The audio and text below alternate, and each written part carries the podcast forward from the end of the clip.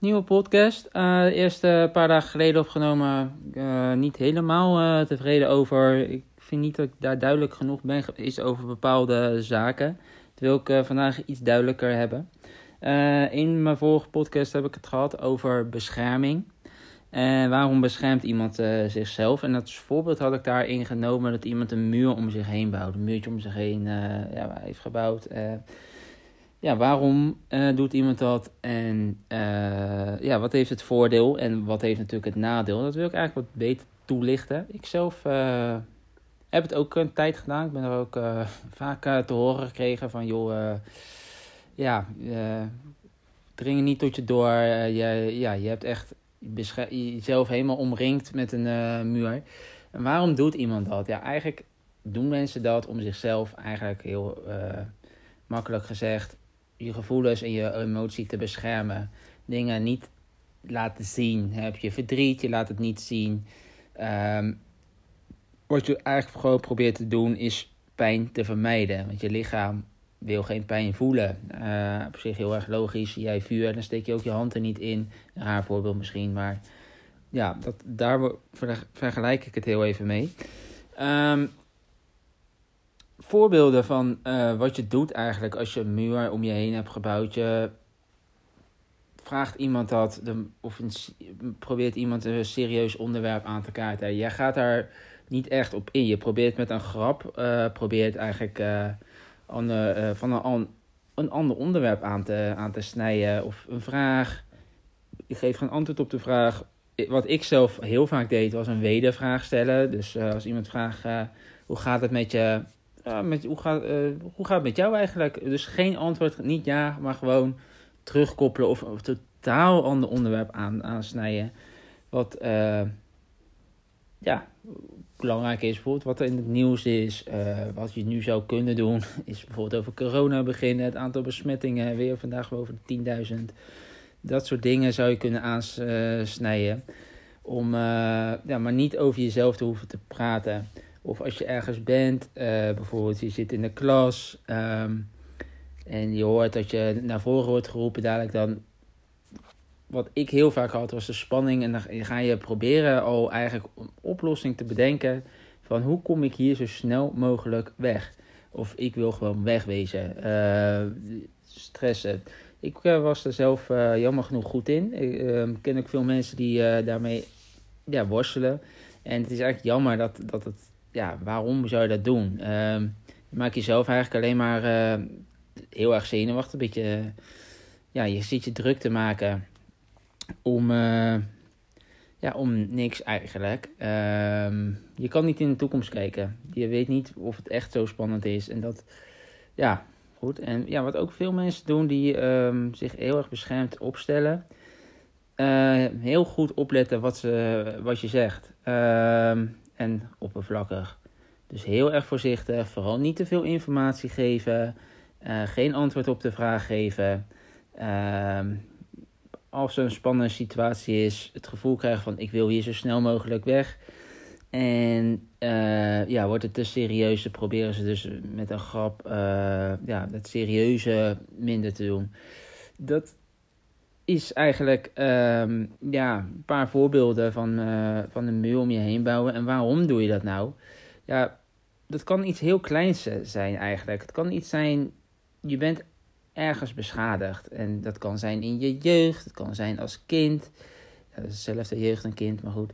Uh, wat erger gebied, uh, het kan seksueel gebied uh, zijn.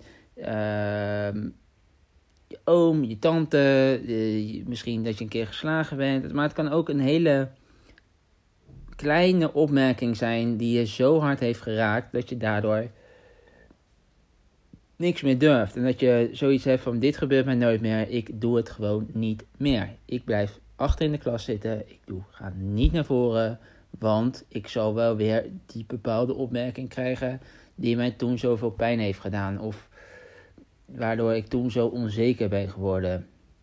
Of um, ik ben toen op dat bepaalde uh, meisje of jongen op, uh, afgestapt om ermee uit te vragen. En ze heeft me zo hard afgewezen dat ik uh, niet nog een keer iemand ga uitvragen. Omdat ik bang ben voor de afwijzing. Dat is op zich heel erg jammer. Dat, dat je je laat leiden eigenlijk door een gebeurtenis die vroeger is gebeurd. Vaak, ik noem het even vroeger, vaak is het gewoon iets wat er is gebeurd in je verleden. Dat je zo beschermend bent, dat je die muur om je heen bouwt.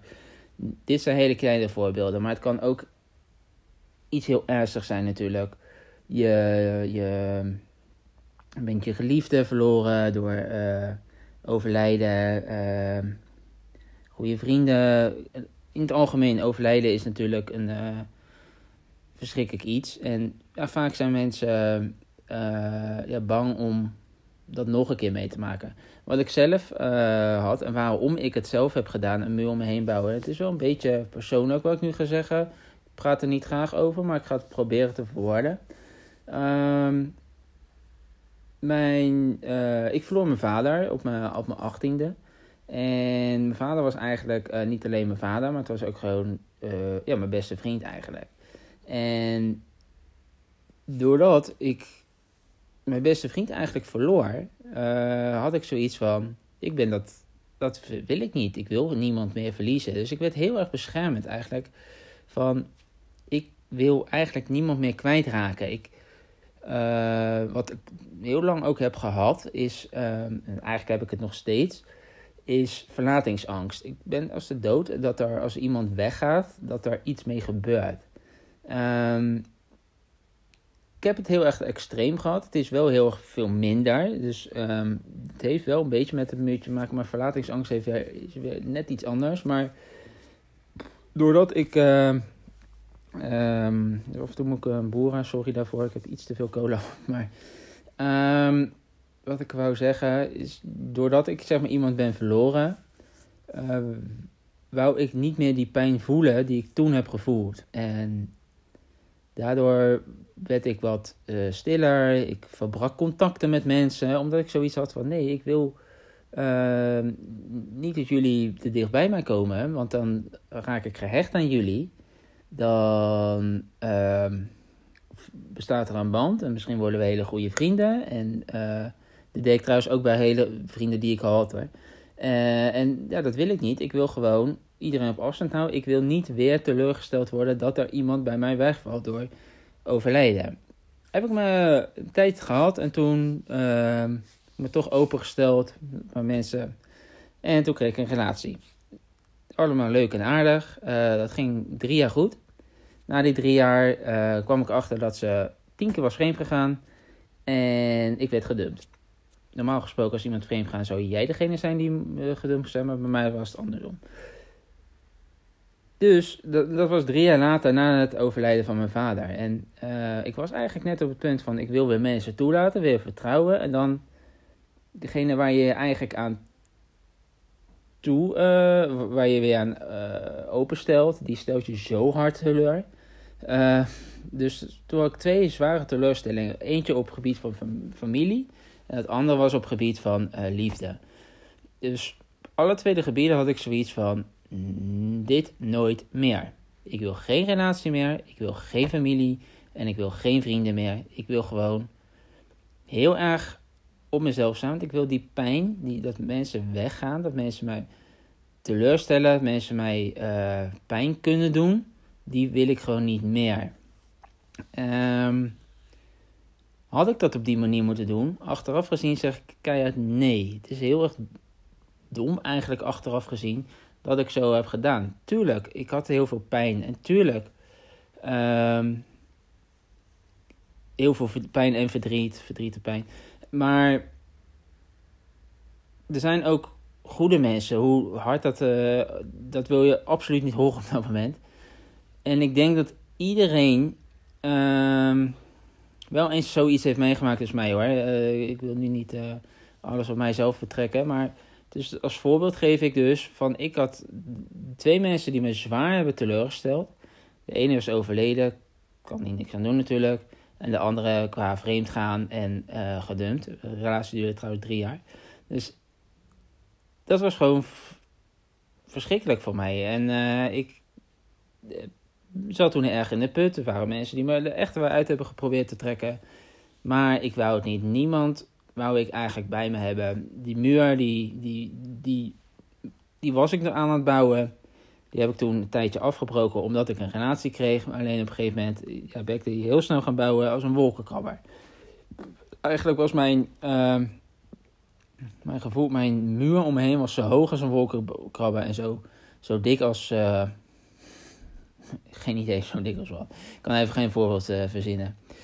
Uh, dat was mijn verhaal eigenlijk daarin. En achteraf denk ik, ik had juist wel mensen moeten toelaten. En wel met mensen moeten praten. En wel gewoon verder gaan. Dat, jaren later is me dat uh, wel gelukt. Dat is gelukt door trainingen, is gelukt door met mensen toch te praten. Coaches uh, daarin gehad. Met vrienden, een goede vriendin van me heeft me daaruit tot eindelijk uitgetrokken. En op een gegeven moment ben ik opgestaan en heb gezegd van oké, dit ben ik en ik ga gewoon verder met leven. Ben ik beschadigd? Ja, absoluut. Ben ik voorzichtig? Ja, absoluut ben ik nog steeds voorzichtig.